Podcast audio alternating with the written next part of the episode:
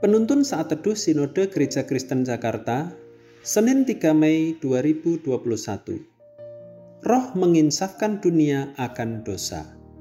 Yohanes pasal 16 ayat yang ke-8 berkata, "Dan kalau ia datang, ia akan menginsafkan dunia akan dosa, kebenaran dan penghakiman." Kisah dua orang sahabat, suatu hari mereka pergi ke toko buku membeli keperluan sekolah.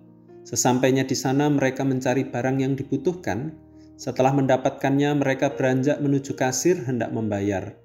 Namun sebelum sampai di kasir, seorang dari mereka mengambil sesuatu barang dan menyembunyikannya di balik baju. Sahabatnya yang melihat kejadian itu mendekatinya, kemudian menasehati dengan penuh kasih, dan akhirnya ia sadar dan bertobat. Dalam beberapa kesempatan mungkin sahabatnya ada bersamanya dan menegur kesalahan dan dosanya. Namun kenyataannya tidak mungkin sahabat itu senantiasa selalu hadir dan ada bersama dirinya serta menegur ketika melakukan kesalahan. Alkitab memberitahukan bahwa salah satu pekerjaan Roh Kudus yaitu menginsafkan dunia akan dosa. Tuhan Yesus memberitahukan kepada para murid mengenai pekerjaan Roh Kudus, yaitu kalau Ia datang, Ia akan menginsafkan dunia akan dosa, kebenaran, dan penghakiman. Roh Kuduslah yang menginsafkan dosa di dalam diri manusia. Jika orang yang berdosa menanggapi panggilan Roh Kudus, maka ia akan dituntun menuju pertobatan, dibangkitkan kesadarannya untuk mengerti kebenaran dan penghakiman, sehingga mau menaati tuntunan firman Tuhan.